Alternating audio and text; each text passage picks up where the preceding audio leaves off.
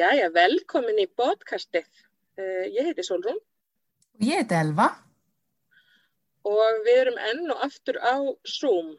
Uh, hundlegilegt fyrir hljóðgæðin en ég vona samt að þið haldi þetta út með okkur.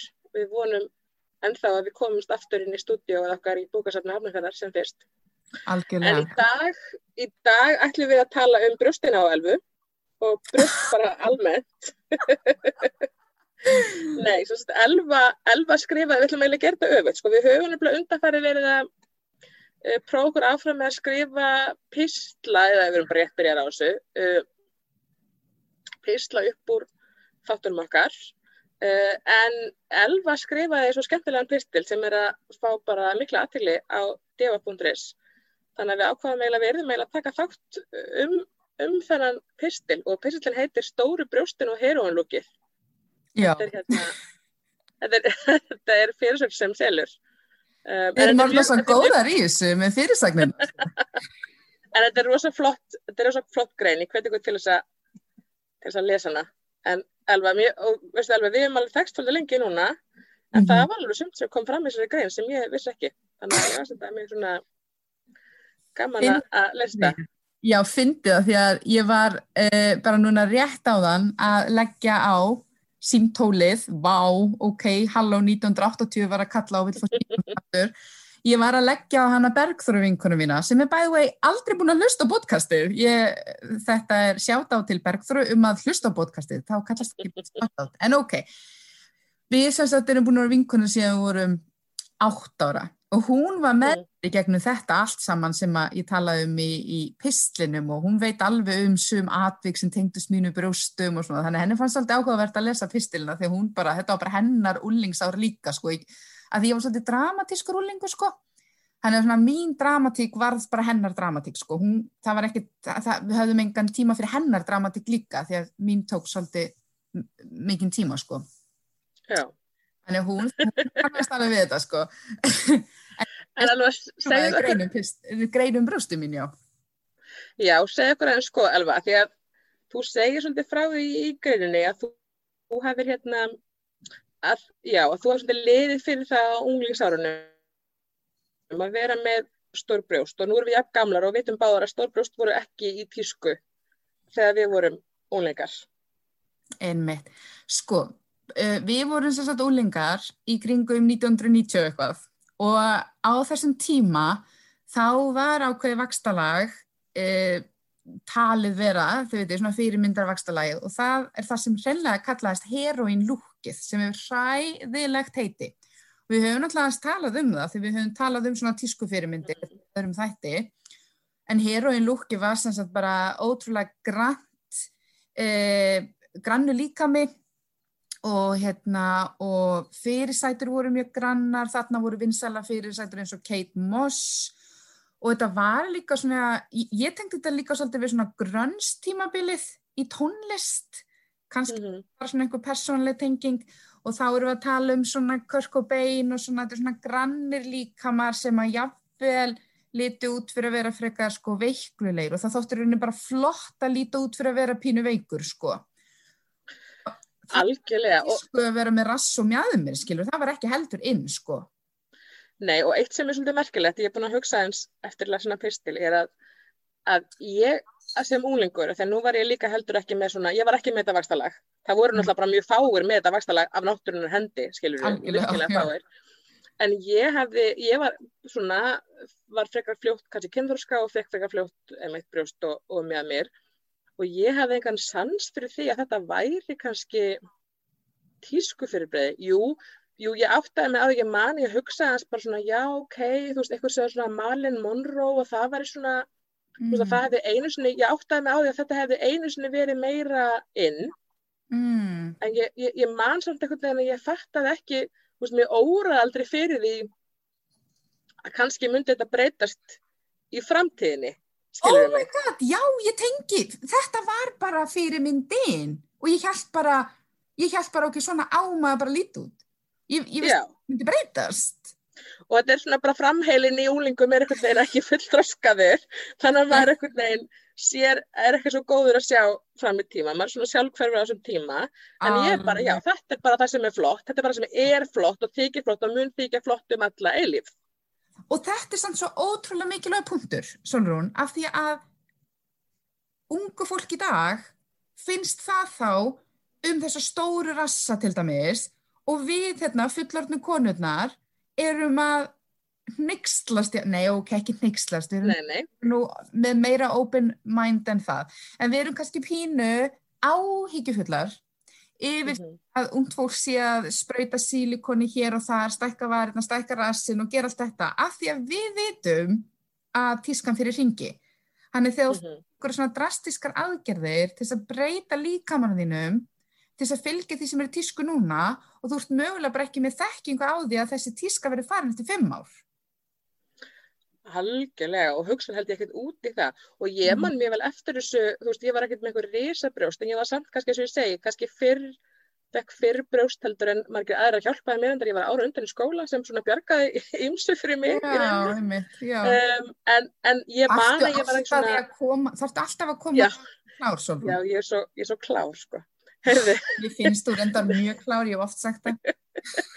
Nei, en sérst, ég man eftir að hafa verið í svona, svona víðum bólum og alls ekki þröngu. Og svo er mitt nokkurum árum setna horfið ég mitt á stelpur sem aldrei bara vá, ok, þær eru bara veist, 12 óra að reyna að sína á sér brústinn, skilur því að það var veist, komið í tísku, en ég 12-13 ára bara vildi fela þetta fyrir allan peningin og þetta er svo, emmitt, ég man eftir þessu líka. 12-13 ára, þá var ekki tísku að vera með brúst, við vildum fel þetta svo mikið, nokkur mánu setna var þetta bara komið í tísku og stelpurna voru bara með brjóstin út um allt og þá voru hérna komið í tísku hérna puss-up brjóstarhaldararnir frá Secret, þetta er svona puss-up með alveg þýlikum púðum.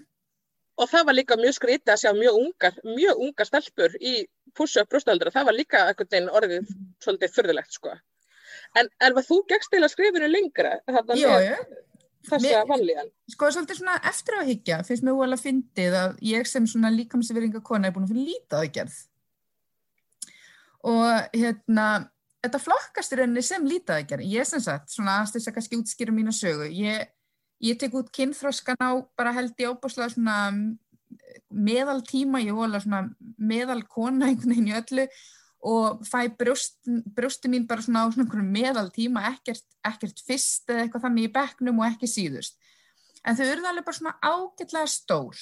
Og þegar ég segi ágætlega stór þá er ég ekki að tala um svakalega stór, ég er ekki að tala um þannig stór að maður myndi halda að manneskjan fyndi til, þú veist það voru ekki þannig sko. En af því að ég var úlingur á þeim tíma þar sem að það þótti flott að líti út eins og heroinsjúklingur, það var bara tískan, að þá voru brjósti mín ekki bara nokkuð stór, heldur allt og stór fyrir tískuna. Og uh, það hafði bara ótrúlega mikil áhrif, bara held ég líka á mína ákvarðanatöku og ég hafði ekki þetta vit að, að hugsa fram í tíman eða átta mig á ef ég myndi skoða söguna að, að tísku, uh, tísku segja, fyrirmyndir breytast og hvað er tísku, hvað er sinni í útliti breytist og við þurfum ekki öll að vera með útliti tísku, come on, ok, ég var ekki alveg komið þanga, þannig að sko ég freka fljótt fór að mynda með mér á svona, svona freka neikvæðu skoðun á bröstunum minnum og ég veit ekki af hverju, ég tala um áttavitan minn, af hverju áttavitin minn hallaðist í þá áttina, af því að sko ég fekk ekkert eitthvað eintóm neikvæð skilabóðum brjósti mín. En það sem að gerðist var kannski að ég er á viðkvæmum aldri og ég var að fá svaldið af skilabóðum um brjósti mín. Fólk var að kommenta, fólk var að horfa, uh, það var svona flöytaða eftir mér út á götu og, og ef einhver stráku var að tala við mig þá sagði hann kannski, ó þú ert með stór brjóst eða kvíslaði svona vini sínu, sjáðu brjóstin á þessari eða eitthvað. En af því að ég var komin með þá hugmynd að þetta væri eitthvað slæmt, þá tólka ég allt þetta, allt þetta sem sundaði sem var mögulega bara hlutlaus, aðtöðasemd eða eitthvað bara svona, wow, já, hér eru brjóst, einmitt, bara eins og grasið grænt, skilur upp, bara eitthvað hlutlaust. Ég tólkaði þetta alltaf allt sem alveg svakalega neikvægt. Þannig að árið 1999 þegar ég er 19 ára að þá fer ég til læknis og útskýri fyrir honum að, að ég vilji fá minni brjóst. Og til þess að fá svona hérna fá svona uh, aðgerð niðugreita þá þarf, þá þarf ástæðan að vera sko líkamleg, það þarf einhver svona líkamlega ástæði fyrir því að, að þú þarft að fá minni brjóst og það voru alveg einhverja líkamlega ástæður. Ég til dæmis afði fókbólt á þessum tíma og mér fannst það báðslega erfitt þegar brjóstin byrja að stækka að vera á æfingu. Mér fannst erfitt til dæmis að æfa okkur að taka bóltan og bringuna og svona. Þetta var bæði erfitt líkamlega og andlega. Þú veist, allt inn er fókusin á brjóstin og þau eru svona þung þegar þú ert að reyna að hlaupa. Ég var líka lengi í fimmleikum. Þar er ekki dópaslega auðvelt að vera með stór brjóst. Þannig að þú veist, bröstin tröfluðum alveg líka og ég var alveg með vöðvabólgu þannig ég ætla ekki að gera lítið úr því en ég held að einn stærsta ástæðin fyrir því að ég fór í brjóstamingun árið 1999 var bara andleg. Ég sá brjósti mín sem svakalega galla, bara, al, bara þýlikt líti á mig og, hérna, og fannst ég verða að breyta þeim. Og e, það, já, eins og ég segi, veist, þannig að þetta, flokkast nú kannski ekki beint sem hefðbundin líta aðgerð en þetta er náttúrulega líta aðgerð uh, og þetta er rosalegt yngripp, rosalegt, ég veit ekki hvort að fólk veita en þetta er, ég myndi segja mögulega kannski tíu sinnum uh, starri skurður en að fá sílikon. Þú veist með skurð í rauninni undir bæðibrjóstinn og alveg svona alveg undir alla skálina og síðan svona upp brjóstið og svo er afsakið, hlustundur, gervertan tekin, minguð og saumuð aftur á. Þannig ég, ef ég ætti að giska út í bláinn, þá er ég með svona 50 spór á brjóstunum. Ok, ég eiginlega að vekja að það verður mikið, mikið yngripp, alls ekki. Já, þetta er, þetta er frekar stórt yngripp sko og hérna og uh, og í rauninni óbúslega svona sérstakt eftir á að higgja uh, eh, sérstakt eftir á að higgja að bara ég skildi hafa valið það að vera með 50 spór á brjóstónum og það væri eitthvað minna líti heldur en stórbrjóst Ok, heyrðu mér núna, já, að það var smá, smá hljóðvesin í það í súmunum Nei, það sem ég var að reyna að segja áðan, þegar þú heyrðir ekki mig, var að þetta er rosa, ég vissi ekki að það væri svo stort yngripp í rauninni. Þetta er alveg mhm. meirinn í hjálp. Og ég er svolítið, ég veit um fullta konum sem er mitt fara í brjósta mingun, að þetta er bara mjög, það er bara erfitt fyrir, eins og þú segir, bara líka mann að vera með stór brjóst. Og ég veit líka um fullta konum sem hafa farið í brjóstastækkun, að þeim hefur bara liðið með illa með litlu brjóstin sín. Þannig að og ég verð að segja sem líkasverðingar sinni, mér finnst þetta og feministi, mér finnst þetta svolítið, svolítið erfitt oh, uh, umræðafni og þetta er alveg efni séð þátt bara svona líta aðgerði. Og þetta er svo mikil dilemma fyrir mig, af því að sko almennt sem konsept þá vildi ég óska þess að líta aðgerður væru ekki eitthvað þeng, þú veist, ég vildi bara óska, mm -hmm. við værum bara allúkslega sátt við útlita okkar og okkur finnstu ekki þurfa að breyta hennu síðan skilur maður alveg að sumir fara og breyta einhverju þegar það er kannski eitthvað sem að virkilega trublar, skilur, þá er ég meina að þú veist e, þú ert með eitthvað við líkamannin sem er að þú veist hafa hamlandi áhrif, þú veist, við talum bara um getur ekki bara mat eða eitthvað, skilur við mig. Mm -hmm. svo er það þessar aðgerðir eins og brjóstaðgerðir sem eru örgla eitt af vinstalustu aðgerðunum sem ég finnst svo erfitt einhvern veginn, þú veist, bæðir í búin að fara í svona aðgerð sjálf, ég reynist alltaf að friða samviskunum mínu með að segja þetta að vera brösta mingun, en ég menna tilgangurinn í mínu tilviki var líka útlýtstengdur, þú veist, þannig að ekki mikil friðfæðing, sko. En Já, það er svolítið, ja. en þið? En mér líka, sko, því að, að því að, sko, rannsóknir sína að sjálfsmyndin okkar og líkansmyndin okkar, hún batnar kannski tímabundið við það að breyta einhverju við, útlita, við útlitið en til lengri tíma leitið er það ekkert endilega lausnin. En í mínu tilviki ég sé ekkert eftir þessi aðgerð. Ég, ég gera það ekki, en ég hef líka lustundum hugsað ef ég hefði bara leitt mér á þroskastæðins og verða fullorðin og jápil náða að fara inn í tímabiliða sem heroin lúki var ekki vinsalast og alltinu voru komið brjóst og svona mögulega hefði líka bara verið sátt við stóri brjóstin sko ég veit það ekki. Akkurat og það komið svolítið óvart alveg einmitt að því ég vissi alveg að þú hefði farið þessu aðgerð og, en ég hef einmitt eiginlega alltaf haldið að það væri bara vegna þess að veist, þú væri bara með svo mikla höfubólgu og það hefði verið að bara valda þér, þú veist miklum erfileikum þannig og, og ég var ekki búin að kveikja á þessari tengingu. Það hefði rauninni kannski ekki verið öll sagan sko. Nei, og það sem er svo magnað, ég held að þetta heiti nú í salfræðinni um, hvað heitir þetta aftur? Hérna þau voru svona gagstæðar hugmyndir í höfðinu, hvað heitir þetta aftur?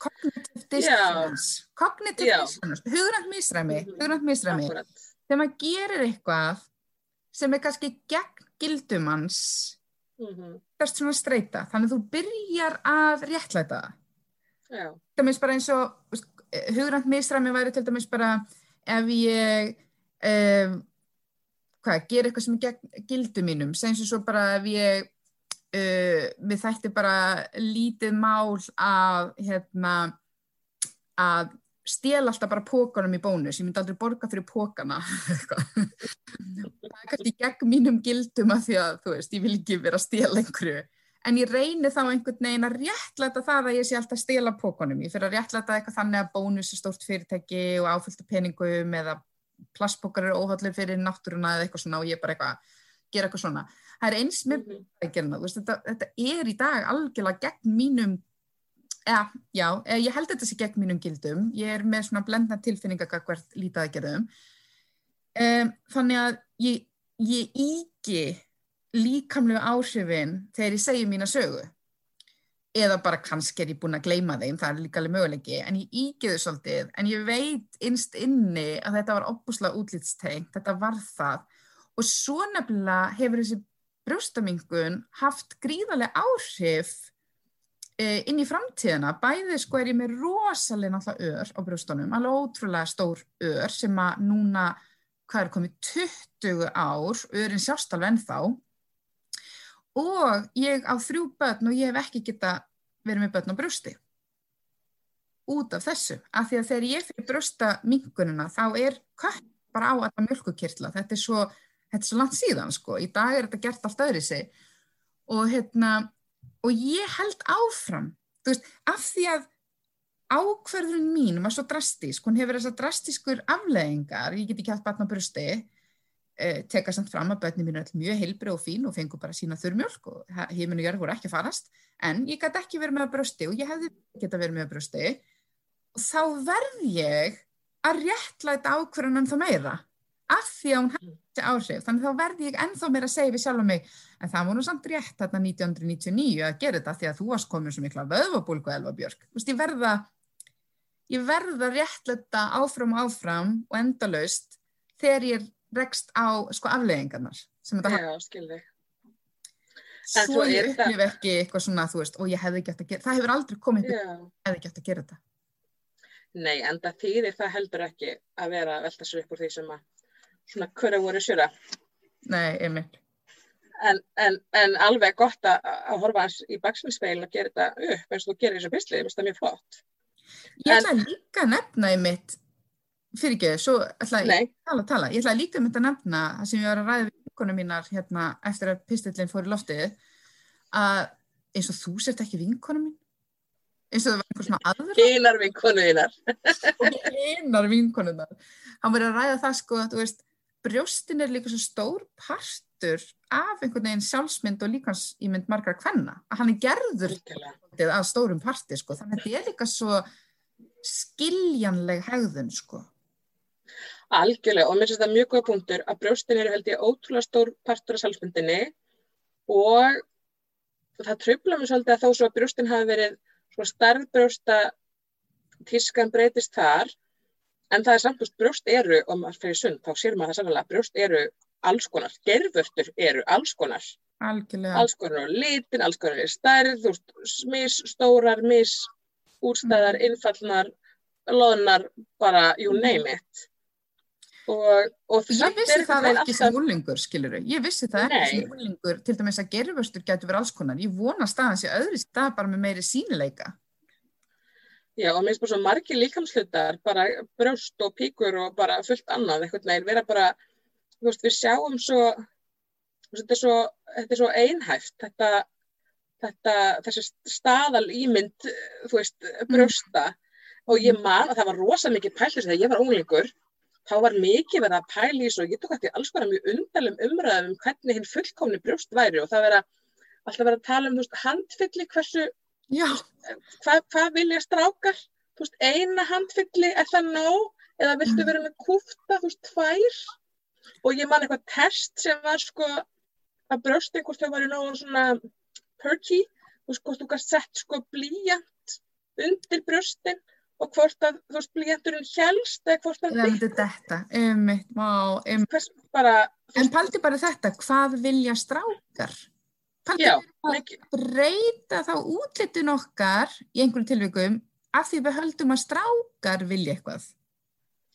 já, eða þeir sem við urluðum stað, já, einmitt, algjörlega, og það var svona mikla pælingar einmitt með það, sko, og, og ég man að ég var svona, veist, þetta var eitt af svona fágum svæðum sem ég var ekki, veist, ég var með, til að ánæfa brjóstin, sko, ég, þetta var alltaf eitt af fágum svæðum sem ég var ekki óanæf með, sko, og nota þetta mikið, einmitt, þú veist, og einmitt í Wonderbranu, þessu blessuðu Wonderbra, Já, já. hérna, líka það gott maður líka falið, sko, falið magan, þú veist, ef að brjóstin er nóg útstæð, sko, Mhm. að þá er enginn að pæla í kannski öðrum líkamslutum og þú getur líka látið klæðinan falla svona yfir brjóstin svona, veistu, æ, ég veit ekki. Þetta er svona love-hate samband sko. Það, vá, hvað ég tengi við þetta, ég upplifið þetta líka, því að nú er, nú er líka með minn þannig að mægin er starri en svona margir aðri líkanspartar, þannig að stóru bröstin raunin fela það, en á sama tíma þá hef ég líka lengi, ekki lengur en, en gerði lengi, þá hafði ég svona áhyggjur af því að líka minn minn tæki of stórt plás, of, of, já, of stórt plás Mhm. til dæmis að vera að taka myndir af fólki að ég sé einhvern veginn að taka of stórt pláss. Og þá voru brjóstin að trubla því þá ertu kannski með brjóst sem færu svona langt út einhvern veginn, standa ykkur út. Já, þá vildi ég vera bara sko vá, veistu hvað er að rifjast upp? Vá, það er að rifjast upp. Komdu með það. Það er að rifjast upp svona tímabil þar sem ég klættist íþrótta brjóstahöldurum og sundból yfir svona eins og ég var að reyna að reyra mig. Og sundból yfir? Já, sundból yfir. Og svo mann ég eftir ég fór einhvern tíman heim með einhverjum strák og við vorum eitthvað kúra. Húra, já, já, segjum það bara. Og hann fyrir svona undirból og hann bara afhverjum til sundból meina, já, sundból oh my god. Ég var að reyna að halda brjóstunum mínu þetta er svo klikkað og, og, og alls konar einmitt pælingar, veistu það eins og þú segir, pælingar það sem hefur haft einhvern veginn og svolítið mikið með einmitt hvernig líta brjóstum hvort öðrum, ég man að pældi einmitt mikið á tíðanbili sko, ok, ef ég ligg, þú veist, það er ekki flattering og, og ok, ég eins og að fara út í þessu umræðu en þú veist alveg hvert ég er að fara með þetta og liggjandi brjóst og, og getum við líka rætt hérna liggjandi á hlið brjóstin? Þau- já, já, þetta var tröflandi sko. verð, Mhm. svona, svona samlokubrjóst. Já, ég man þegar hérna ég var með einhver svona rosa brjóstakomplexa og var átti þarna tímabil þar sem ég var úrslega fúl út í alla stelpur sem fór í sílikon af því þær, væri þá með svo opaslega innan gæslappa fullkomi brjóst að þá var alltaf að spotta þar og sagði alltaf upp átti maka minn, sjáðu, þetta er sílikon, þetta er sílikon, það, það, það, það haggast ekki, já, jölurnar haggast ekki, þetta er sílikon. Það var eitthvað svona ógslag mikið gaggríni. Og, já, algjörlega og svo er alltaf komið í ljós núna sem er alltaf hrikalegt hvað, Mm, hvað þessi silikonpúðar sem að ótrúlega margar stelpur og konur fóru í, hvað þeir hafa í rauninni bara verið óknar heilsu margra, bara fræðilegt. algjörlega. Og þetta er bara, þú veist, svo uh, skýrst merki um bara neikvæð áhrif svona aðgerða, sko. Við erum að setja náttúrulega aðskota hluti í líkamann þegar við förum í sílikon, sko. En svo er líka pælingar þess að segir, og mér finnst það bara eilíft einhvern veginn annarkvort að reyna að vera með nógu stór brjóst og ekki of stór brjóst eins og segir ekki draga sér ómikla aðdegli því sem var líka lett í því þú veist að, að ég, að maður verður ekki verið of fleikunum fötum og ekki verið of óviðigandi mm -hmm. sem að sérst í brjóst, það er það óviðigandi Já, sérstaklega núna svo svona pæling okkar aldrei einhvern veginn, já. Já, nú er ég meðvitað um það skiluru Mhm. og svona í vinnunni og annar staðar og ekki vera of mikið og ekki of lítið og, og líka sér pæling og marga konur náttúrulega að tala um fyllingu þú veist, og einmitt eftir brjóstakjöf og annað þú veist, þau breytast og mér er búið að finnast þeim svolítið fannst þetta bara mjög flókið að navigata þetta tímabil þetta brjóstakjafa tímabili sem Mm. brjóstin eru svolítið svona bara þú veist, almanægn og þú mátt bara vera eitthvað þeirna þú veist slengja þeim hérna át um kvippan og kveppin og og, og eitthvað neginn, já, mér fannst það bara. tímabil, sko. Já, akkurat. Já, ég, sko, ég náttúrulega tengi svo lítið við brjóstakjafa tímanbila því það tókst aldrei hjá mér. Ég man bara hvað það var erfitt að það tókst ekki. þú Veist, og því lík bara, Mhm. hvað maður segja, því lík sjálfs svona blaming sem að fóra staði það að get ekki verið með barn á brjósti og, og, og hvað, hvað mér fannst ég vera missefnu móðir og allur þessi pakki og svo þegar eignast barn nummið tvö þegar ég bara ætlaði að reyna aftur og allt fór til helvitis aftur og svo eignast ég barn nummið þrjú og ég bara mætti á fæðingadeildina með pelan, þú veist bara þetta verður ekki reyndin aftur sko. Og fyrir mér sko það tók þrjár tilhörnir, það tók hérna barn nummið þrjú þar sem að ég loksins hætti að hafa saminskupiti við að geta þetta ekki sko. Af því að ég, já, bara orðin þroskaðri líka og, og reynslunni ríkari sko en, en, en ég veit um fleiri konur sem tala um þetta, svona saminskupiti við því að geta ekki með barn á brjósti sko en saminskupiti mitt var einhvern veginn svo líka svo ógslag stórt af því að ég gerði mér þetta þú veist, að þannig ég er ástæðan fyrir því ég get ekki um barn á brjósti Eða, veist, ég veit það náttúrulega ekki, þetta gæti ég mögulega ekki heldur verið með barn á Þú brjósti veist það náttúrulega ekki. ekki, en ég gaf mér það sko. Þannig að þetta var svo mikið samvinsku Mhm. sko. Og ég man, ég man, ég man þegar ég var 24 ára og var á fæðingadeildinni og litli minn, minn sem sagt, elsti strákur minn sem er ekki lítið lengur hann var nýfættur og, og ég var að prófa að setja hann á brjóst og þá kemur fullorðin ljósmöður, elsku konan og segir við mig ég skil ekki ykkur ungu stelpurnar að velja það að fara í svona aðgerð fram yfir það að vera með börn á brjósti. Nei, Þú veist að það eru komið var 16 seimar að ár. þetta var sagt og það eru komið 16 ár og ég er ennþá bara ái, ái, ái, ái. Ég veit það. En já, þannig ég tengi svolítið lítið við þetta svona að brjóstin séu svolítið svona almanna eign einhvern veginn og þú maður er bara að slengja þeim fram hérna, henda þeim fram fyrir framan alla og eitthvað. En mér finnst, Já, mér langar samt að nefna eitt varandi brjóst því mér var að hugsa til svona bara vinkvenna minna og, og þín, elska mín. Um, nú eru vinkvenna mína með alls konar brjóst Vá, mm. Fara, ans og, og hérna persónlegt. Vinkunum mínum er alls konar brjóst. Við erum með stór brjóst, lítil brjóst, tóm brjóst, alls konar brjóst. Og það sem er svo fyndið er sem sagt að þegar við tölum um brjóst og við tölum um kannski maka okkar, þegar við vorum að tala um þetta hvað, að maður er eitthvað að vera með einhver brjóst fyrir, fyrir hittkynnið eða fyrir það kyn sem við erum, eða þá sem við erum hrifin af, að það sem hefur komið ljós er að makinn ef hann er spurður eða þú veist, þær eru eitthvað með makarnir sínum eitthvað að tala um brjósta eða eitthvað, þeir eru alltaf bara langkripnastir af brjóstunum sem þær hafa. Mm -hmm. Vinkona mín sem er með lítil brjóst spyr maka sinn bara hva, hvernig brjóst finnst þér vera falleg eitthvað svona ímynda samtal þá segir hann, þú veist, já ég er bara mjög segjum svona litlum og nettum brjóstum en ef ég myndi spyrja gísla minn, eitthvað, hvernig brjóst finnst þér vera falleg, þá myndi hann pottið, þú veist, bara nefna mín, skiluru þú veist, þannig að þú veist, starðin skiptir ekkert öllu máli, sko. Og þú veist, og, og ég held bara þú veist, við sem heldar þú veist, pakkin okkar sem við erum persónleikin og útlitið, brjóstin er opbúslega lít, lítill partur af þessu, en við leifum kannski sem í tilvíkum brjóstum að vera alltaf stór partur. Algjörlega, en ég held að það séu bara fullt af fólki með kompleksaði mitt yfir brjóstunum sínum mm -hmm. og hvern, hvernig, þau, þau eru, eins og segir, hvernig þau eru í, í, í læginu og fyllingu og eins og um þess að gerverstur, við erum ekki búin að, sérst, að þau sömur eru með innfallar gerverstur, Já, segja, og margir eru með hára brjóstunum og gerverstunum og svo líka eitt sem að, það kom eitt fyrst í þessu, að svo, en náttúrulega það er alveg, veist, karlmenn sem eru með smá brjóst, skiluru, en það þykir svo aftur á móti svolítið tabú sko. Svona, það þykir ekki smart fyrir kallmenn að vera með brjóst, ekki nema að séu, veist, í hérna, einhverjum mega liftingum, fattur um mig? akkurat og þannig er líka að því að tala um lítæðgerðir, það er líka náttúrulega brjóstaðgerði hjá strákum. Algjörlega. Einmitt, ég held að sé alveg ótrúlega gott ráð einmitt fyrir ungt fólk kannski eða bara fólk sem er svona með einhverja brjóstakompleksa að einmitt bara skoða brjóst. Bara skoða, skoða, skoða. Já. Þess að ég segi, ég vissi ekki að brjóst eins og mín væru til bara, þú veist. Ég held bara allir að vera flatir og líti út eins og Kate Moss og ég bara vissi ekki að það væri til að vera með svona brjóst. Svo bara í dag er bara einhver kona með svona brjóst, þú veist, ég, ég bara sá þetta ekki, ég var ekki með neina fyrirmyndir bara að skoða brjóst og átt að sá brjóst eru bara alls konar Þau eru alls konar og öll dásamleg. Og, já, já, ég elska sem brjóst sko. vöka Já, brjóst eru falleg Já.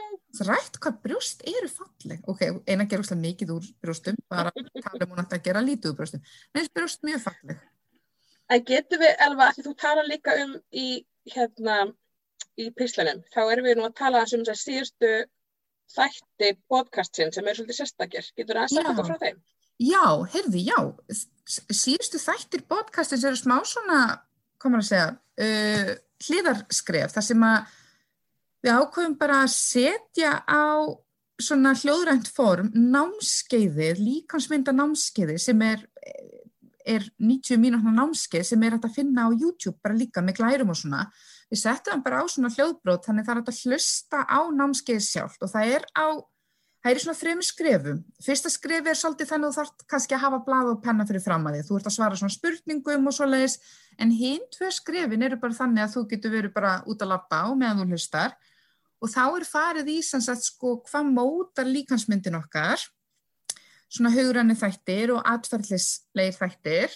Og hvernig hugsanir okkar og svona hafa áhrif á bara tilfinningur okkar, gagvart líkamannum og svo í síðasta skrefinu farið í bara svona leiðir til þess að ebla jákvæða líkamsýmynd.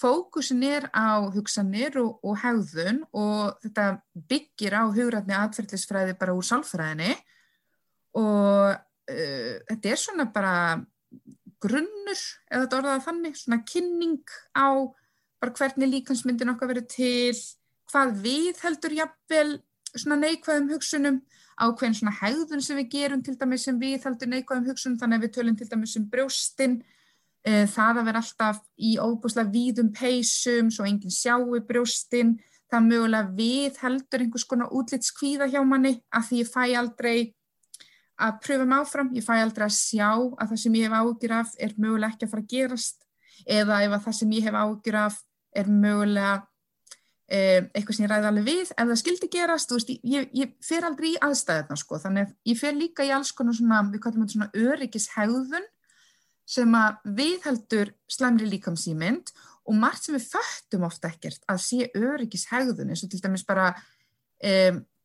eins og þetta að ganga í víðum peysum að því að þú vilt ekki neitt sjá brústið þín eða setja alltaf púða fyrir fram að maga þín þegar þú sest í sófan með öðru fólki svo enginn sjá að magasvæðið þitt eða vera í síðum peysum svo enginn sjá í rassin þinn, þetta er svona öryggishegðun, það veldur, það, það gefur þér ákveðna ró í smá tíma en við heldur vandanum til lengri tíma litið. Og svo fer ég líka aðeins í svona hugsanaskekkjur og þess vegna skrifa ég nú uppálega pistilinn um brjóstin mín að því að ég var upplegað svo miklu hugsanaskekkju. Ég var búin að mynda með mér einhver svona neikvæða hugmyndum brjóstin mín uh, og það varð að mínum bara svona áttavita í lífinu þannig að allt sem tengdist brjóstum eða allt sem tengdist einhverjum aðtöðasemdum um mitt útlit var tólkað á neikvæðari máta en það þurfti að vera. Og þannig var ég alltaf að sanna fyrir sjálfur mér að brjósti mín hlýta að vera ræðileg. Þannig ef einhver flautaði eftir mér út á götu eða sagði eitthvað, wow, brjóst, þá held ég alltaf og alveg var handviss um að það væri á neikvæðamáta. Ég held að fólk var að grínast, ég held að fólk væri að vera kaltaði. Þannig að ég er sífælt að staðfesta fyrir sjálfur mér að ég hlýta að vera með hræðilega ljót brjóst og þetta kallum við hugsanavilla. Þetta er svona ákveðin alhæfing, þetta er jafnvel svona hugsanalestur, ég get ímynd, stýra ímynda mér hvað aðrir er að hugsa. Og, hérna, og ég fer í svona hugsanavillur uh, á þessu námskeið og það er þetta nálgast námskeið bara á YouTube, bara líkansmynda námskeið skrifa það eða bara hlusta á síðustu þrjá þættin okkar. Þeir eru stuttir og þægilegir og við hvetjum ykkur til þess að hlusta á alla þrjá þættina. Já, þetta er rauninni bara námskeið elva það ekki sem að þú, og þetta er alveg, elva aðferða er algjörlega í þessu, sem sagt, þetta er hennar, þetta er þitt námskeið elva það ekki, þú hannar þetta námskeið jú, jú, jú, og setur þetta, þannig að ég bara segi þetta sé einstaklega tækifæri því að elva er svona sjálfsbundar gúru Íslands, þannig að þetta er hérna einstaklega tækifæri að fara að fá hérna frítt líkasmyndanámskeið, annarkvæmst já, á YouTube eða í þessum þreymur yes. þáttum. En er þetta En elva, síðasti þátturinn okkar eða á þessu ári? á þessu ári, jú, Já. svo þurfum við að koma, það er margt sem við ætlum að taka fyrir á, á nýja ára. Ég verður nú að segja alveg að, að eh, eins, eh, hérna, ég veit ekki hvað ég á að kalla árið 2020, hvað, hvaða orð ég á að nota yfir það, en um, eins uh, hræðilegt og skrítið og allt sem það hefur verið, þá hefur podcasti verið bara ljóspunktur í tilverunni Ó, ári já. sem að podcasti var stofnaði það ekki. Jú, og að ég er þakklátt fyrir það, mín, og þakklátt fyrir þig. Ég er þakklátt fyrir þig líka Solon og ég er rosalega þakklátt fyrir hlustendur okkar. Við erum með nokkra svona digga hlustendur sem er opbúslega svona trösta hlustendur. Ég ána með þetta. Ég er búin að rosalega ána með hlustendafjöldan okkar. Svo sá ég hann hérna Sölvi Tryggva sem er nú með vinsalasta podcast landsins var að skrifa einhverja áramóta kveði og þakka fyrir tvær miljónir Ég var svo ána með það að við erum að nálgast 7000. Já, hefur þú hlusta á þetta podcast? Það er mjög skemmtilegt, það fær mjög skemmtilega viðmælendur. Já, ég, ég er mjög hrifin af podcastu hans. við erum mjög ána með, með okkar hlustendur, þeir eru æðislega. Já. Heyrðu, en við bara segja, segjum við ekki bara takk fyrir samfylgdina árinu og sjáumst á nýju ári. Já, á nýja ári. Bless, bless. Takk fyrir í dag.